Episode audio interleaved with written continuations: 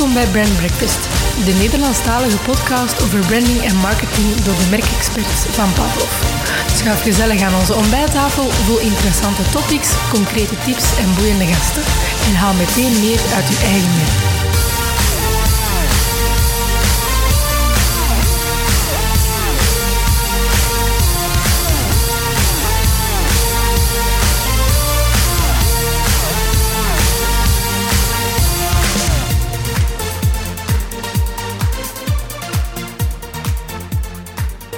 Goedemorgen beste luisteraar, welkom bij episode 43 van de Brand Breakfast, de laatste van 2021. Uh, ik zit hier tegenover mijn uh, collega, uh, vennoot, mede-podcaster en mijn, mijn dikke vriend Michael natuurlijk. Ja, hè? dag Ja, Stef, dag eh, beste luisteraars. Hallo. Ja, we hebben in zo'n traditionele aflevering van ons getweetjes hebben doorgaans drie topics. en dat is deze maand niet anders, Michael. Ja, klopt. Wij eh, hebben verschillende interessante, eigenlijk vrij uiteenlopende topics Natuurlijk. gekozen dit keer om over eh, te debatteren of te discussiëren. Wij gaan het onder meer hebben over dual branding. Mhm. Dat gaat eigenlijk over het, ja, het samenspel tussen merken binnen één vennootschap of binnen één firma. Hoe ga je daarmee om? Hoe zorg je voor een architectuur die klopt? Dus dat is het eerste topic dat we gaan bespreken. Ja, daarna hebben we het over de jaarlijkse Siegel Gale Simplicity Index. En Gale die op zoek gaat naar het eenvoudigste merk. En we gaan daar eens kijken wie eh, dit jaar eh, de hitlijsten aanvoert en waarom en welke lessen je daar als merk uit kan Voilà, leren. vooral waarom dat zo belangrijk Tuurlijk, is natuurlijk, ja. En dan het derde topic, moet ik al even terug nadenken, Stef, waarover gaan we het weer hebben? We gaan het hebben over eh, ja, empathie in klachten eigenlijk. En Ja, je moest toch zelf ook even nadenken. Ja, nee, hoe, dat ik het, hoe dat ik het moest verwoorden eigenlijk. Het komt erop neer dat je als merk beter dank u zegt dan sorry. Ja, klopt. Dus inderdaad, ja, service eigenlijk. eh, hoe verbeter je de, de service? Eh, we hebben daar een interessante studie over die we even willen voorleggen.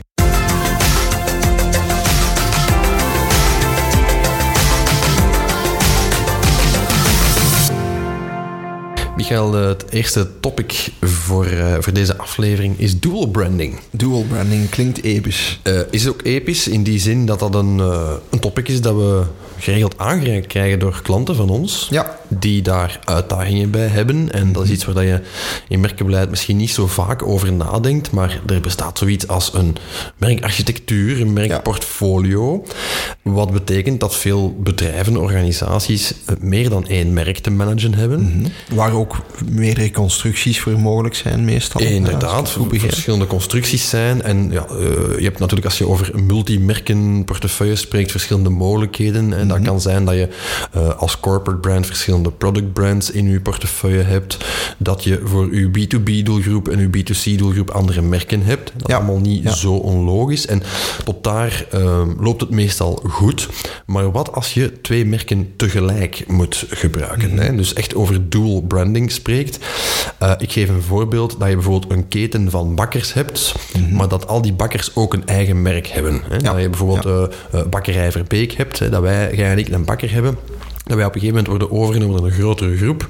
Eh, weet ik veel, Bakker Jos heet die groep en die is internationaal. En ja, wij zijn en Bakkerij Verbeek en deel van Bakker Jos, Ja. de keten. Dus je spreekt dan eigenlijk over paraplu-merken, of zie je daar nog Eh, andere... ja, hoewel een umbrella brand constellaties natuurlijk qua definitie ook nog wel anders is. Hè. Het gaat soms over umbrella merken, soms ook niet. Ehm, het gaat in elk geval over een combinatie van twee merken. Ja, Hè. En dan heb je enerzijds heb je co-branding, waarbij je zegt van merk X en merk Y eh, hebben samen een merk, een submerk bijvoorbeeld.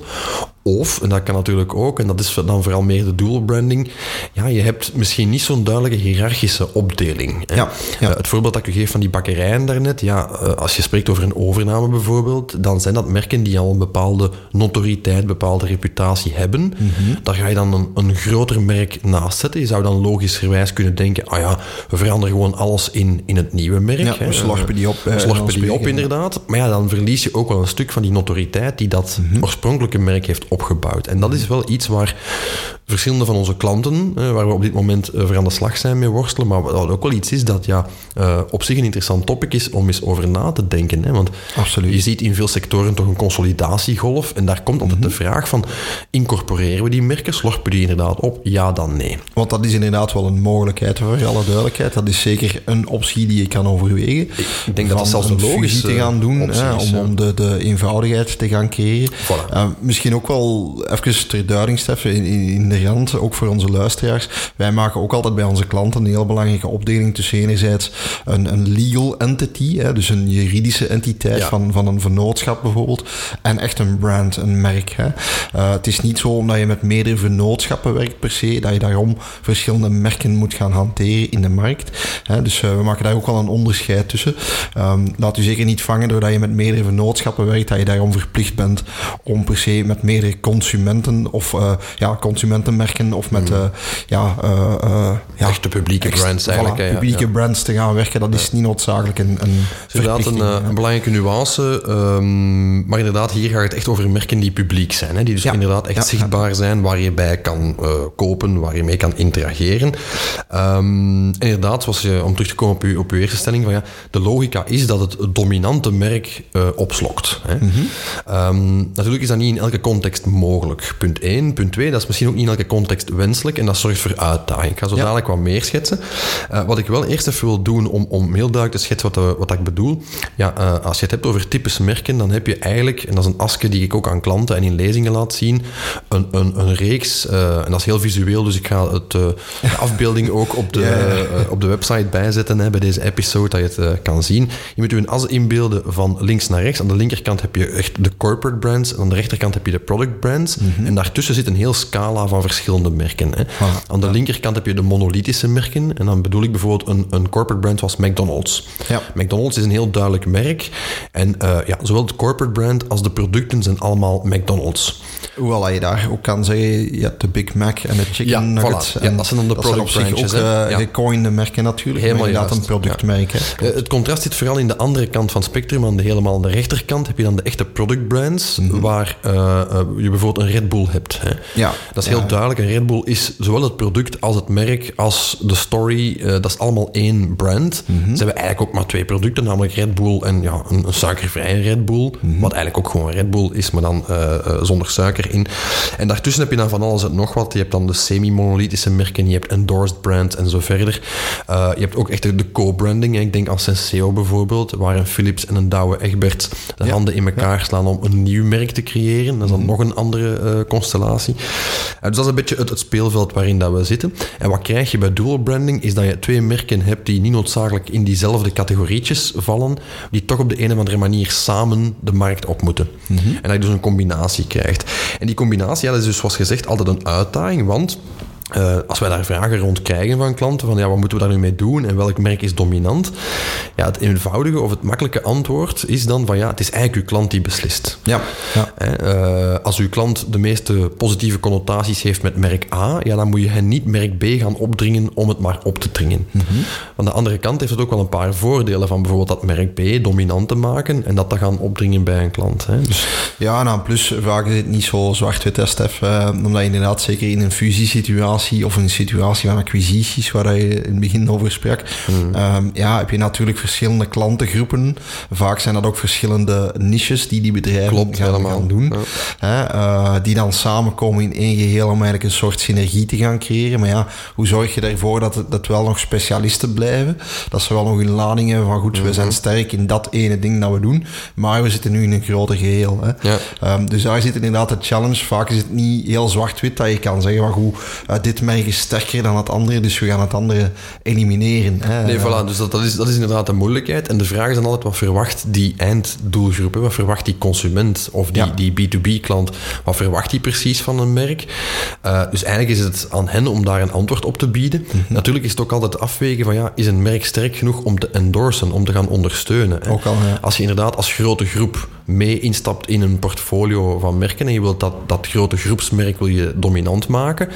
Ja, in sommige sectoren, als dat bijvoorbeeld een buitenlandse speler is die hier in de Belgische markt overnames doet, ja, dan is dat merk misschien gewoon nog niet eens sterk genoeg. Ja, hè. Moet je waar, van nul terug beginnen met een merk op te bouwen wanneer je beslist om die opslorping te doen.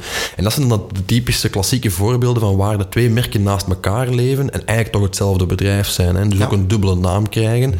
Welke dan vooraan en achteraan in het logo komt, dat laat ik dan even in het midden. Maar eh, het, is, het is inderdaad wel moeilijk, omdat je altijd wel een hiërarchie creëert, of dat je dat nu wilt of niet. Je creëert altijd een, een hiërarchie. Ja, en dan is er ook nog een optie, Stef, maar dan, daar kom je misschien nog op. eh, Mhm. Dat je gewoon zegt, je creëert een nieuw merk. Hè. Eh, ook dat hebben we al meegemaakt. Dat klopt, ja. Waarin dat er eh, twee merken samenkomen. En inderdaad, zoals je, je net het voorbeeld van Senseo gaf, eh, dat je een soort van joint venture creëert, Mhm. Ja, waarin. Mhm. dat je een nieuwe entiteit creëert. Eh, ook dat zijn, zijn opties, hè. ook dat zijn mogelijkheden. Zeker een optie, maar niet voor elk. Dat is, dat is vooral interessant, denk ik, voor nieuwe dingen, voor nieuwe producten ook. En Senseo is een goed voorbeeld van, ja, daar was een, een nieuw product, eh, waar je een soort van, ja, eh, wat, wat een Renkvera bijvoorbeeld het ecosysteem noemt. Hè? Ja. Van, ja, oké, het is een logica dat er daar een samenwerking ontstaat, hè? dat je je niet gaat specialiseren in de winkel van een ander, maar dat je samen de krachten bundelt voor een bepaald productgamma of een bepaalde categorie. Ja, dan is het logisch dat je een nieuw merk creëert. Bij bestaande merken is dat moeilijker natuurlijk. Hè. Kan je heel moeilijk, vind ik, eh, zeggen van ja, we doen tabula rasa. Dat is dat je echt met overnames en zo, dan is dat iets anders. Maar, Goh, ik, ik zie dat nog een klein beetje anders in sommige situaties. In die zin dat, dat is voor mij hetzelfde scenario als een rebranding. Hè. Soms is het ook een, eh, een aangewezen piste om te zeggen, we gaan ja. vernieuwen. En we gaan een volledig nieuw merk creëren dat een stuk van de legacy meeneemt van die brands, maar wel een nieuwe lading gaat geven. Bijvoorbeeld breder gaat werken of misschien een bepaalde nieuwe niche gaat kiezen. Ehm, dus ik, ik denk dat dat wel een optie is, maar dat is natuurlijk niet altijd de eerste geprefereerde optie. Uh, maar we hebben het toch gezien in de praktijk dat het soms wel een, Kan zeker. een, een, een, een mooie, mooie her- herstart kan zijn van twee merken bijvoorbeeld. Of, ja, of ook een, een vereenvoudiging biedt intern. Hè? Want ook dat, denk ik, Stef, speelt een rol. Natuurlijk, als je merken apart van zichzelf laat, laat eh, bestaan binnen een groep, ga je ook altijd een soort van ja, een, een, een afbakening creëren tussen merken. hè. Ja. En als je verwacht dat die vernootschappen gaan samenwerken binnen een ecosysteemverhaal of binnen een groepsverhaal, ja, soms is het ook goed cultureel dat je ze verbindt met één, met één naam of met absoluut. één Hè. Eh, nu bon, opnieuw, dat is uiteraard, eh, ja, eh, er zijn verschillende opties mogelijk. Hè. Dat past niet voor elk verhaal. Eh, maar ik vind Nee, het wel moet- belangrijk om die nuance wel Ik denk dat we moeten oppassen met inderdaad daar dan te anekdotisch over te beslissen. Want inderdaad, dat verhaal dat je beschrijft, zien we nu bij een klant. Bij een andere klant zien we een heel ander scenario Ja. met een gelijkaardige uitdaging. Klopt, ja. Belangrijk om mee te nemen is, ja, je hebt, je hebt inderdaad de optie van, ja, we beginnen van nul opnieuw en we, we baseren ons op de sterktes van die organisaties Mhm. om een nieuw merk te creëren.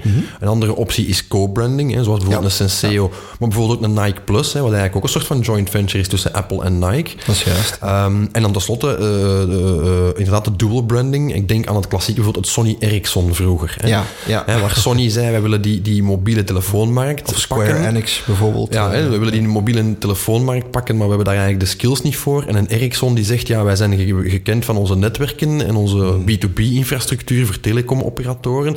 Ja. Wij hebben geen, geen voet aan, aan wal bij de consumentenmarkt. Mhm. Dus dat was een mooie samenwerking. En had je echt dual branding, hè, de twee Ja. namen, eh, bestaande namen erin. Dus dat zijn, dat zijn zeker vast eh, mogelijkheden.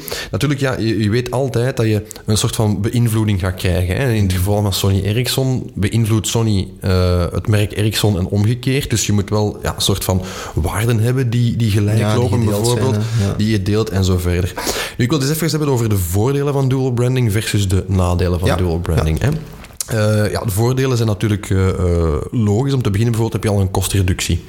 Maar als je zegt van goed, we gaan naar, naar, naar ja, een gecombineerde inspanning rond branding en marketing vaak, dan en sales ook in veel gevallen, ja, dat is evident dat daar een kostreductie zit. Ehm, diversificatie, hè. opnieuw het voorbeeld van Sony Ericsson bijvoorbeeld. Ja, Ja, je hebt de mogelijkheid om aan uw bestaande klanten dingen te gaan aanbieden die je vroeger niet kon. Ik denk bijvoorbeeld aan een deel aan een klant van ons, hè, die zegt van oké goed, je neemt een, een, een, uitvaartondernemer over, familiaal dan, hè, familiale uitvaartondernemer. Eh, ja, die is door die overname ook, en die dual branding met Dela, ook in de mogelijkheid om verzekeringsproducten te gaan verkopen. Ja. Hè? Ja. Hè, Rond uitvaartverzekering. Dat kon die vroeger niet. Ja, en om eigenlijk een, een bredere partner te zijn. Exact, Ja, dat kan die nu ineens weer wel. Hè. Een ander voorbeeld, eh, een andere klant bij ons is Dexis. Hè, die zegt van oké, goed, we, zitten daar in, ik zeg maar wat, in perslucht. Mhm. ja, we kunnen nu ook uw lagers aanbieden. Wij kunnen nu ook in machineonderhoud en services die we vroeger niet konden aanbieden, kunnen we nu op groepsniveau wel gaan aanbieden door die dual branding. Mhm. Merkbekendheid speelt ook een rol natuurlijk. Het feit dat je kan profiteren van mekaars marktaandeel en marktpenetratie, dat lijkt me ergens ook wel eh, logisch. Zeker. En dan vooral natuurlijk ook imago. Hè.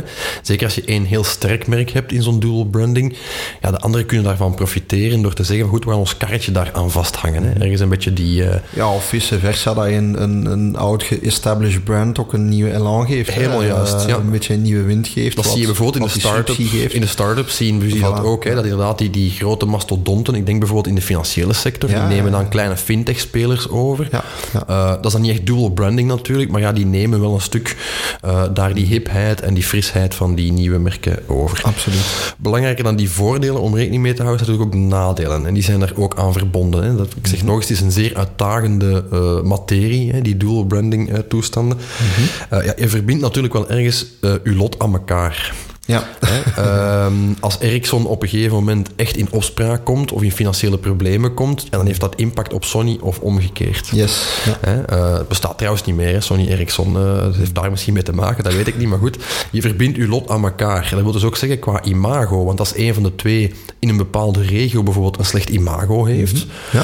of eh, ik zeg maar iets, je hebt een heel nabij merk, een heel regionaal merk, en daar komt dan plots ineens, bam, een logo van een andere internationale speler bij, hè, een dual brand daarmee, ja, dan kan je wel eens de indruk krijgen van oei, dat is hier ineens een mastodont of een fabriek die de boel hier overneemt. Ja, hè. ja, Eh, ja. eh, waar is het menselijke karakter en het nabije karakter daartoe?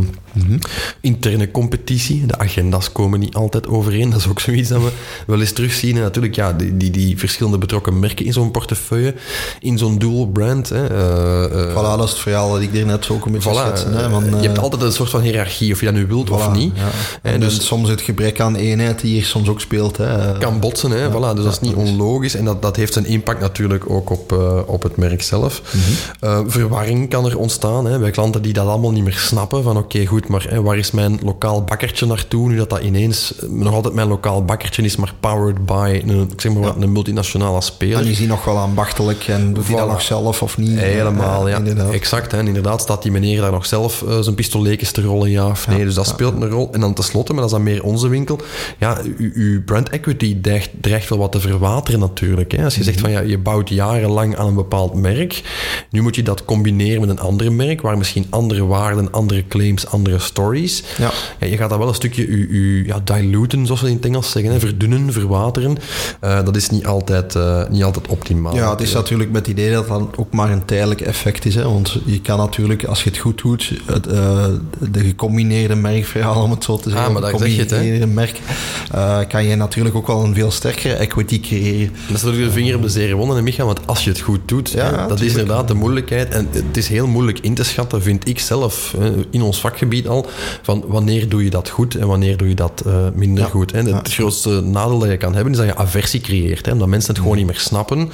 Of zeggen van, ja, kijk, die, die, die waarden en die messages in mijn hoofd staan eh, haaks op elkaar van die twee merken. En nu heb ik ze ineens alle twee op een gevel staan. Ja. Ik weet niet of ik dat allemaal wel wil. Enfin, om te concluderen in dit stukje, dual branding kan een heel krachtige tool zijn, hè, naar endorsement toe en in een merkportfolio om daarmee aan de slag te gaan. Natuurlijk op voorwaarde dat ja, de, de, de, de, de, vooral de krachten gebundeld worden van gevestigde merken en dat je daar niet mee begint te knutselen. Hè, want Ja. het gevaar is effectief dat je, dat je aversie creëert, dat je verwarring creëert eh, en dat die klant niet meer centraal staat. Dat is toch wel heel belangrijk. Eh, dus er moet, dat is, zou mijn advies zijn om, om topic mee af te sluiten, er moet altijd een logica zitten bij de uiteindelijke doelgroep. Als die de logica niet ziet dan kan je beter inderdaad echt een rebranding doen of uh, het een merk laten opslokken door het andere. Uh, if it makes no sense, begin er niet aan, want dan ga je uh, heel veel tijd en energie steken, denk ik, in zo'n combinatie in de markt te zetten en succesvol te houden. Dus je, je, het vereist onderzoek dan? Is het iets waar je op voorhand moet gaan testen? Natuurlijk, ik denk, ja, testen weet ik niet, dat, dat is al een, een mogelijkheid, ja. maar je moet heel goed doorgronden wat de noden van zo'n doelgroep zijn. Ja, He, als die niet zitten wachten op dat dual brand of op die endorsement, hmm. of in tegendeel zelfs aangeeft van ja, kijk, dat is niet wat ik verwacht van merk X. Hè, dat er daar ineens een merk Y bij komt. Voilà, het is eerder dat, want ik denk, allee, je kan natuurlijk niet predictief zijn. Een consument verwacht op voorhand niet dat uh, nee, een merk gaat fuseren. Nee, nee. Het gaat vooral wel matchen qua waarden en qua, qua verhaal en qua aanbod. Leunt het wel bij elkaar? Of is het belangrijker dat je ze uit elkaar haalt? Of, uh, hey, of op een of andere manier... Of compleet uh, fusioneert, ja. Want ook dat, Sef, alleen dat hebben we misschien maar heel kort vernoemd, maar ook dat is een mogelijkheid. Dat je zegt van, het blijven gewoon twee aparte merken. Hè. Ja, tuurlijk. Ja, en je ja. gaat ze apart positioneren. Ze zitten wel in dezelfde groep. Dat zie je ook regelmatig gebeuren. Maar dan spreken we niet over dual branding. Nee, dan spreken klopt, we over een, een, klassieke merkportfolio. Dat dus, is inderdaad zo. In elk geval bezint uh, eer je begint. Het kan heel interessant zijn, maar uh, denk er goed over na en zorg dat er een logica zit in het verhaal naar uw eindpubliek toe.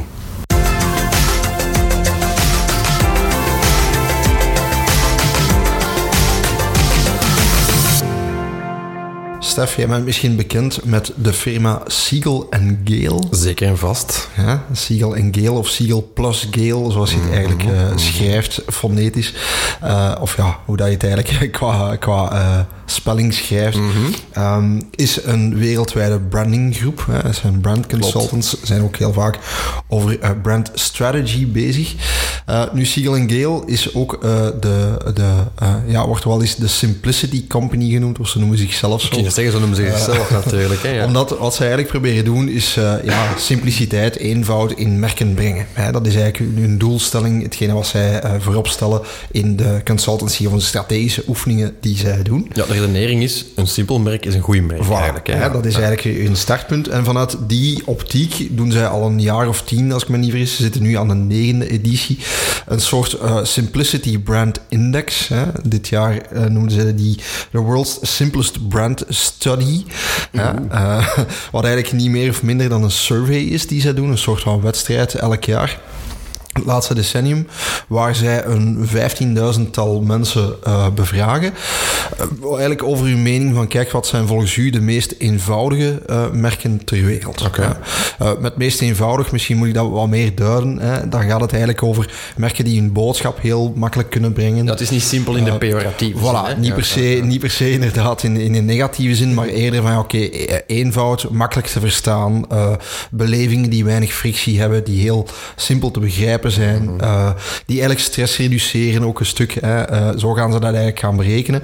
En op basis daarvan hebben ze eigenlijk een vragenlijst elk jaar, waarin dat ze gaan berekenen wat zijn werelds simpelste of meest eenvoudige brands. Opnieuw ja. met het idee van als iets eenvoudig is, dan gaan mensen dat ook makkelijk aan elkaar doorvertellen. Voilà, hè, dus daar, daar komt het eigenlijk op neer. Nu, ik ga je misschien meteen uh, de, de key findings uit die studie meegeven, want ik vond er een paar dingen wel heel interessant. Ik ben benieuwd, want ik heb nog niet gezien. Um. Laat ons misschien starten ja, met de top 5 misschien die daar dan is uitgekomen. Mm. Dat is op zich weinig verrassend. Hè. Uh, Ga ik dus, van mijn stoel vallen? Dat is al... Ja, misschien, misschien moet je eens een gokje doen. Uh, welk merk denk je wereldwijd dat op één staat? Uh, op één weet ik niet, maar ik gok dat een Apple er sowieso alweer zal tussen staan. ik weet in het verleden dat BMW hoog scoorde. Oké. Okay. McDonald's, maybe? Zo dat mm -hmm. soort...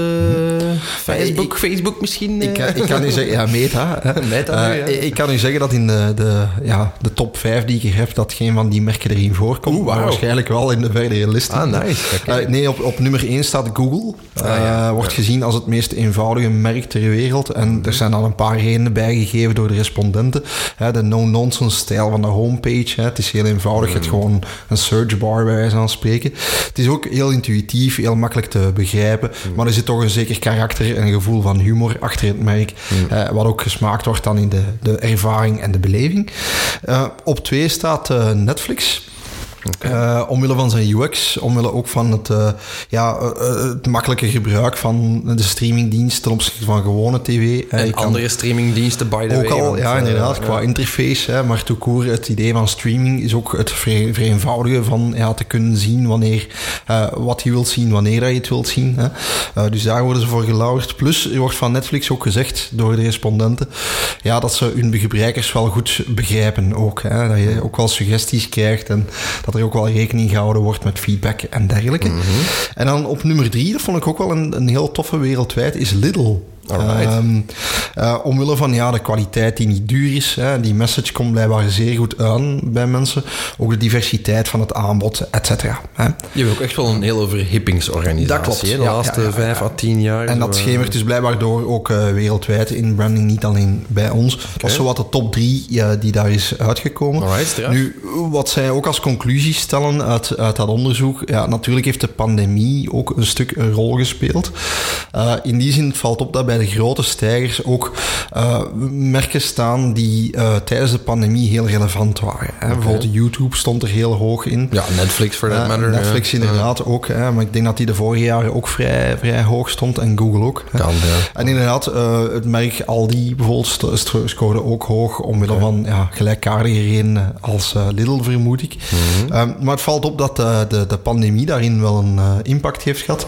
En je gaf er juist ook aan, maar goed, een, een simpel merk is vaak ook een, een goed merk, of wordt vaak gezien als een goed merk. Hmm. Ja, Siegel en Geel zegt dat natuurlijk ook. Hè, en dat proberen ze dan ook te bewijzen in die studie met cijfers. In die zin dat ook ja, door de respondenten gezegd wordt, onder meer, ja, dat uh, ja, 57% van die respondenten zegt van ja, we willen graag meer betalen als het een, een eenvoudige beleving is, zonder fricties, hè, iets dat makkelijk te begrijpen is. We zijn bereid daar meer aan uit te geven. Op zich niet onlogisch. Hè? Dat is bijvoorbeeld een cijfer, alleen niet dat cijfer, maar er zijn cijfers in mijn boek die daar ook uh, op ja, wijzen. Hè? Ja, dat klopt. Ja, mensen berust, gerust, allee, dat die gemakkelijk geneigd zijn om meer uit te geven bij Voor een sterkere beleving. uh, die inderdaad weinig frictie uh, Voilà, in de customer journey hebben. Hè? Ja. Maar ook eh, bijvoorbeeld hè, dat ze veel, eh, veel meer geneigd gaan zijn om loyaal te zijn aan het merk. En um, dat ze ook veel meer geneigd gaan zijn het merk aan te raden. Hmm, hè. Eh, en hier hebben ze wel een, een, een, eh, ja, een verschil gezien in de cijfers ten opzichte van de vorige jaren. Dus eh, in 2018 bijvoorbeeld zei 64% van ja, die eenvoudige merken die zouden we sneller aanraden. Dit jaar is dat al gestegen naar 76%. Oké. hè. Dus men linkt dat een beetje ook aan het feit, want men heeft een paar vragen gesteld ook over het leven in het algemeen tijdens de pandemie. Mhm. Daaruit bleek dat de meeste respondenten zeiden, maar ja, leven is eigenlijk complexer geworden, is moeilijker geworden. We moeten eigenlijk op veel meer dingen rekening houden, veel meer regeltjes die er zijn bijgekomen omwille van allerlei maatregelen en zo verder. En ze zeggen, ja, kijk, die simpliciteit, ja, dat brengt ook een stukje terug eenvoud. Hè. We gaan terug naar de essentie van bepaalde dingen. Rust eigenlijk gewoon. Hè? Voilà, het geeft rust en het valt op dat de brands die daarop hebben ingespeeld tijdens de pandemie, dat die ook, ja, zowel qua appreciatie als qua cijfers er wel op vooruit zijn. Dat is op zich niet onlogisch, hè? dat is pure psychologie uiteindelijk. hè. Dat is ook de reden waarom dat we bijvoorbeeld nu, uh, ik zag het over laatst weer eens op tv, maar ja, al die de nostalgie. Hè? Dus Ja, uh, ja, ik geloof ja, dat het in het jaaroverzicht van, van VTM Nieuws was, dat er zoiets kwam van ja, het is de jaren van een terugkeer van van alles. Zo, uh, De films 90s, en dingen uit onze jeugd. En, dat is nu wel altijd dat dingen cyclisch zijn en, en, en mensen zijn altijd wel gevoelig voor nostalgie. Maar dat is op zich de logica zelf. Hè? In tijden van pandemie grijp je terug naar dingen die, die rust, structuur, Ja, eh, eenvoud brengen, die je terugbrengen naar onbezorgde tijden zonder eh, COVID-safe tickets en, en, en boosterprikken en weet ik veel wat allemaal. Dus op zich is dat natuurlijk niet onlogisch dat je daar naar teruggrijpt ook. Hè. Dat is heel juist. Ehm, ook interessant misschien nog om mee te geven, ehm, als we gaan kijken naar de beurs, hè, want uh, Siegel en Geel gaat dan kijken, maar goed, die top 10. Uh, dus zeggen, zijn die beurs genoteerd? Ja, die zijn, de, meeste, eens, de eh, meeste zijn allemaal beursgenoteerd. Nee, nee, Siegel en Geel, anders moet ik dringend mijn Ah, portefeuille zo. eens eh, updaten. Met, En zij zeggen ook van, kijk, blijkbaar, allee, volgens hun cijfers, ehm, ja, hebben, hebben die, de, de, de meeste eenvoudige merken, hebben ook de, de grootste stijging op de beurs gekend. Hè. ja.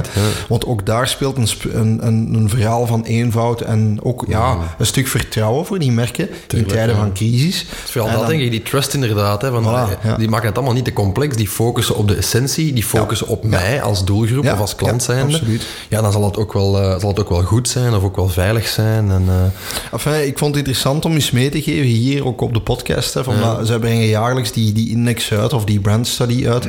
Eh, we zullen daar ook de link voor eh, bij, het, Yes. bij het podcast-artikel zetten. Maar ik vond het dit jaar was er toch wel een duidelijke discrepantie of een duidelijk verschil te zien met de vorige jaren omwille van die COVID-pandemie. Ehm, waarin je toch ziet dat eigenlijk, ja, er nog meer wordt, wordt gevraagd naar eenvoud eigenlijk. Hè. Dat mensen daar eigenlijk nog meer naar op zoek zijn. Naar zo weinig mogelijk frictie en makkelijk te verstaan boodschappen. Ja. Eh, een makkelijk te verstaan eh, ervaring. Ehm, ja, mensen grijpen daar graag naar terug. Zeker in momenten dat het al moeilijk is. Verwachten zij van merken eenvoud en simpliciteit. En dus dat moet het voornemen zijn van onze luisteraars ook, de, de merken die luisteren, 2022 het jaar om uw merk eens te vereenvoudigen? Of, ik denk dat wel, Stef. En ik ga ook eerlijk zijn, ik zeg dat ook al, al jaren tegen klanten. Eh, dat is iets waar ik sowieso al heel hè? sterk Ja. in geloof. Hè. Eh, we zeggen soms van oké, meer niche te gaan. Maar Mm. Het gaat mij eigenlijk vooral over hoe, hoe makkelijk kan je je boodschap uitgelegd in krijgen. ene hè. zin of in ene In ene tweet. zin, eh, ja. Eh, en alles wat daarachter zit, ja, dat is, dat is eigenlijk clutter hè, voor de meeste mensen. Je moet ze kunnen grijpen in een paar eh, boodschappen of een paar ja, beelden of, of keywords hè, die met een merk te maken hebben. Ehm, en ja, je, je merkt het aan cijfers. Hè, de sterkste merken zijn daar ook key in, hè, zijn daar ook heel goed in. Ehm, dus ja, het zou zeker mijn, mijn voornemen zijn voor, voor merken om daarop te werken. Niet alleen volgend jaar, maar eigenlijk de komende jaren. Altijd, voilà. Goeie voornemen, denk ik, voor de komende decennia. Hè? Simplify your brand en thou Yes. shalt eh, score bij uw doelgroep. Oké.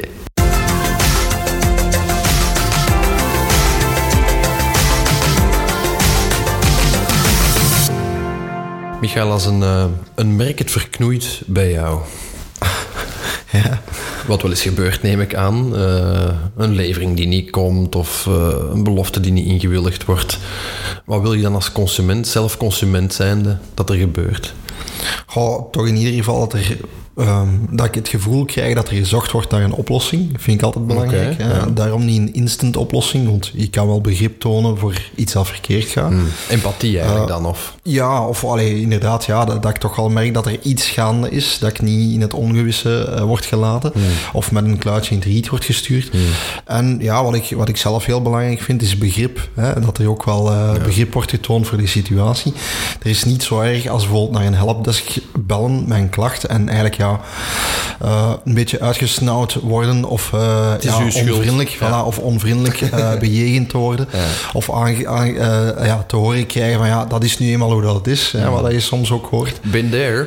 Dus voilà, hè, dus inderdaad, ja, empathie, zoals je zegt, begrip voor de situatie en een wil om het op te lossen. Dat vind ik het belangrijkste. Ja, ik vraag het omdat ik een, een interessant onderzoek ben tegengekomen. Recent is nog wel een iets ouder onderzoek uit 2019, om precies te zijn.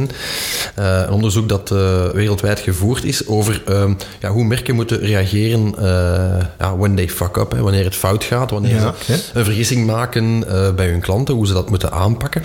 En wat blijkt, dat vond ik toch wel heel straf, het is beter om eh, dank u dan sorry te zeggen. Mhm, Oké, Eh ja. Sta mij toe van dat eh, meteen uit te leggen. Bijvoorbeeld als je een levering mist aan een klant of er gaat daar iets bij fout, is het beter dat je zegt van dank u voor uw geduld of dank u voor uw begrip, beste klant, dan dat je zegt sorry.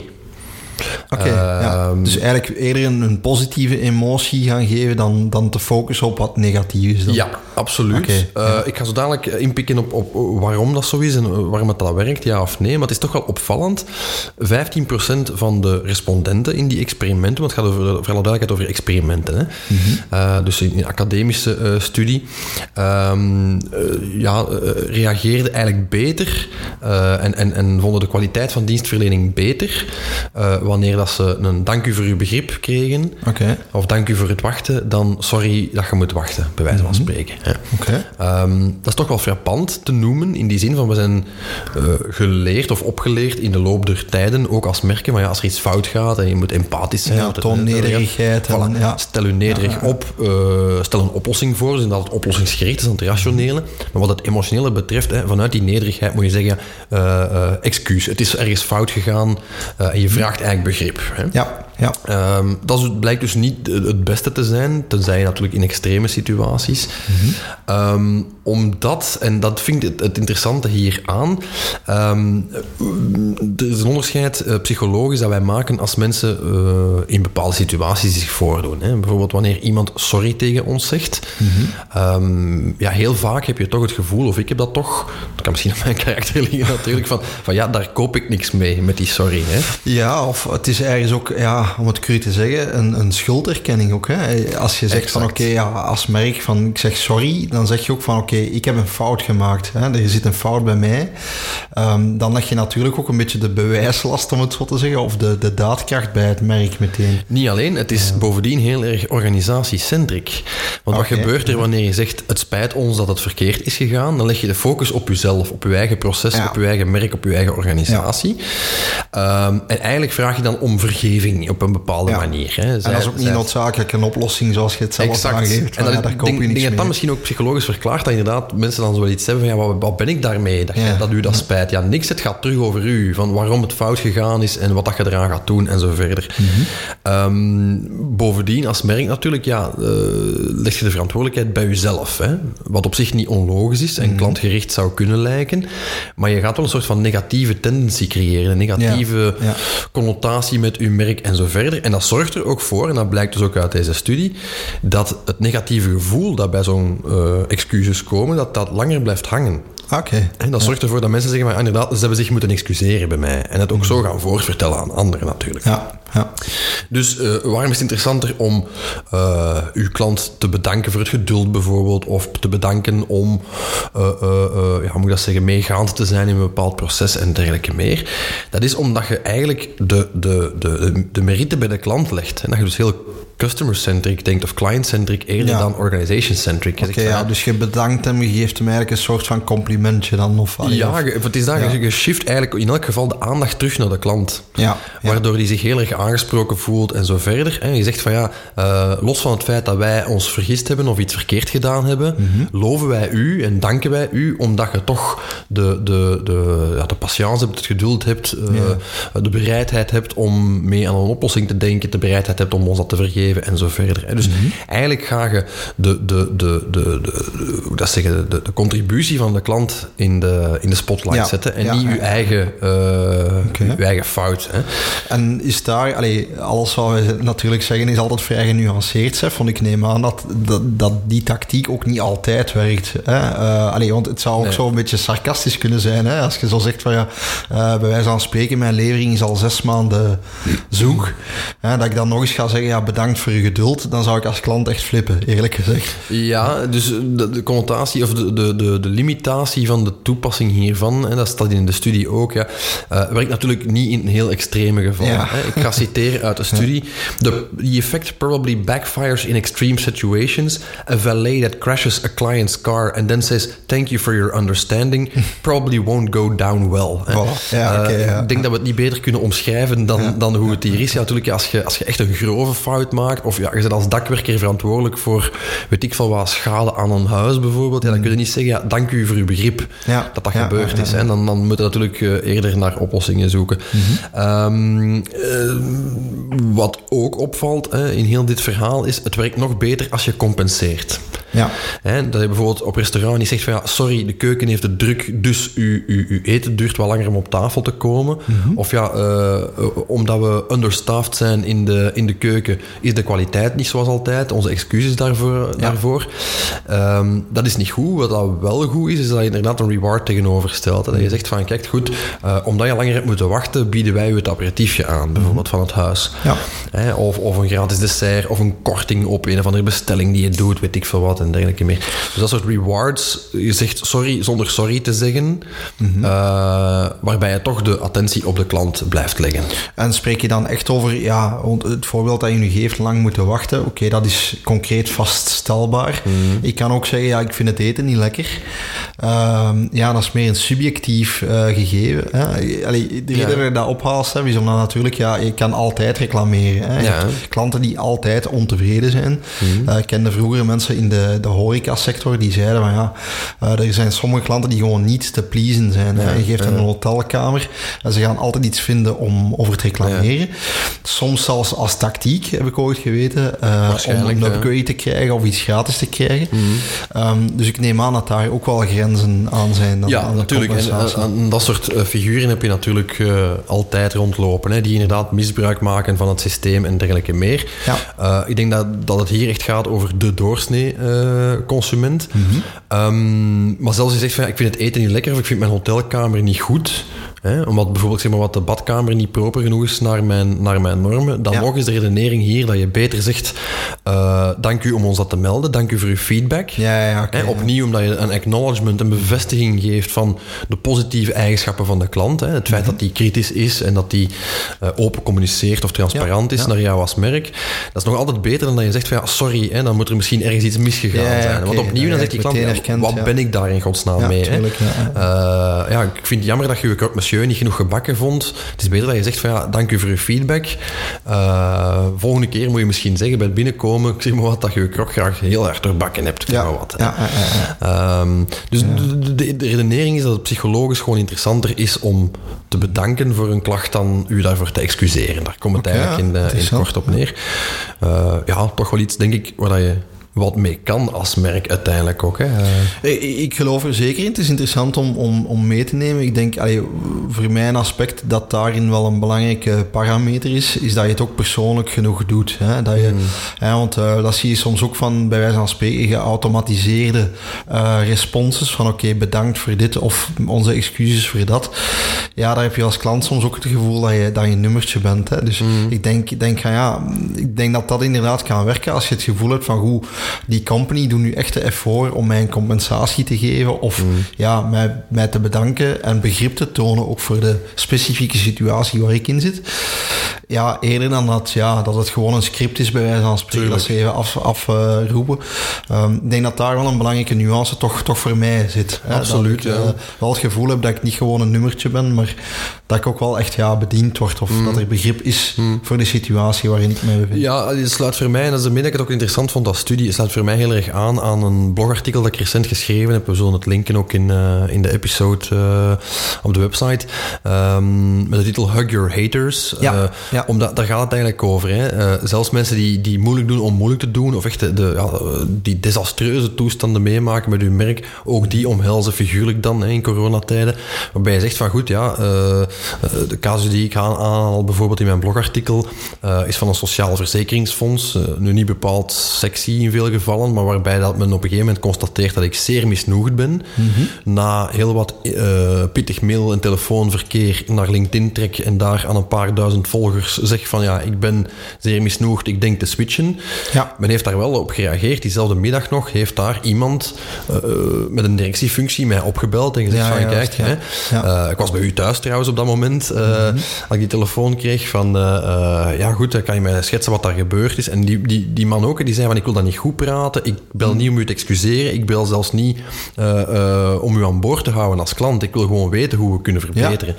En, gewoon al die empathie daarin doet al heel erg veel. Hè. En het feit dat hij op het einde zegt, ja, dank u dat je daar zo open over bent, want voor hetzelfde geld zeg je, ja, uh, trek je plan ermee en ik switch, steken, voilà, ik switch gewoon van leverancier en ik ga er mijn tijd niet in steken. Hè. Dus, enfin, belangrijke learnings, denk ik, want overal, bij elk merk gaat er wel eens iets mis. Hè, van hoe ga je daarmee om? empathie, snelheid zijn belangrijk. Uh, uw klant erkennen. En ja, door hem te bedanken kan je hem meer erkennen dan door weer al over uw eigen te praten en uh, ja. te verdrinken. Ja, ik vind in, in ieder geval excuses. interessante cijfers. Dus we gaan ze inderdaad ook delen uh, mm -hmm. in het artikel. want het is een, een, studie die wij gevonden hadden. Um, ja, dat brengt een extra nuance, denk ik, over hoe dat je klachten of opmerkingen opneemt. Hè. Yes. Ja. Oké, okay, ça va. Ik denk dat we dan bij deze onze drie topics gehad hebben. Helemaal voor, juist. De laatste juist. aflevering van dit jaar, mm -hmm. Stef. Uh, um, ja, ik zou zeggen, moest u zelf uh, klachten, opmerkingen, uh, suggesties of vragen hebben. Meteen al dank u daarvoor. Voilà, wij zullen u daar zeker voor bedanken als je die aan ons overbrengt. aan het adres hello at brandbreakfast.be. -hmm. moest dit de eerste aflevering zijn die u luistert, of misschien een van de afleveringen die u luistert, vergeet zeker niet te subscriben subscriben, te abonneren op onze podcast. Dat kan via uh, Soundcloud, via Apple Podcast, uh, via Spotify mm. en natuurlijk ook gewoon door onze website te volgen. Uh, wij posten elke maand nieuwe afleveringen.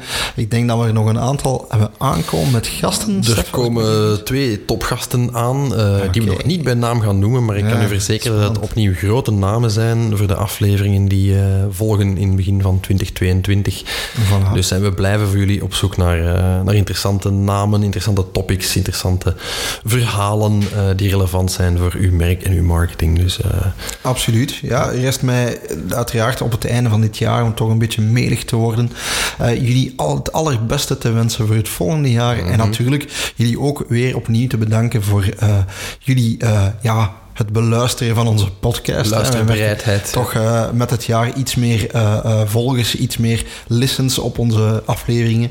Dus dat motiveert ons uiteraard ook om hiermee verder te gaan. Hè. Dus heel fijn dat jullie zo trouw luisteren en ook andere mensen aanbevelen om naar ons te luisteren. blijf dat uiteraard doen en dan gaan wij ook proberen jullie ook het komende jaar met verschillende inzichten en inspirerende gasten te verblijden. Zo is het helemaal. Ik kan er niks meer aan toevoegen. Bedankt voor het luisteren. Tot een volgende volgende aflevering.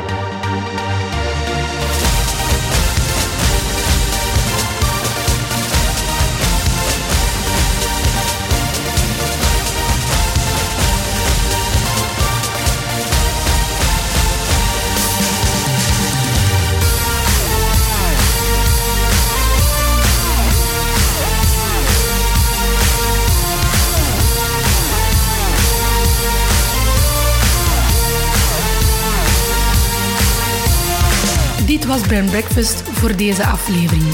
Vergeet ons niet te liken of u te abonneren via uw favoriete app. Ontdek ook al onze andere episodes via brandbreakfast.be en discussieer mee via hello@brandbreakfast.be of onze sociale mediakanalen.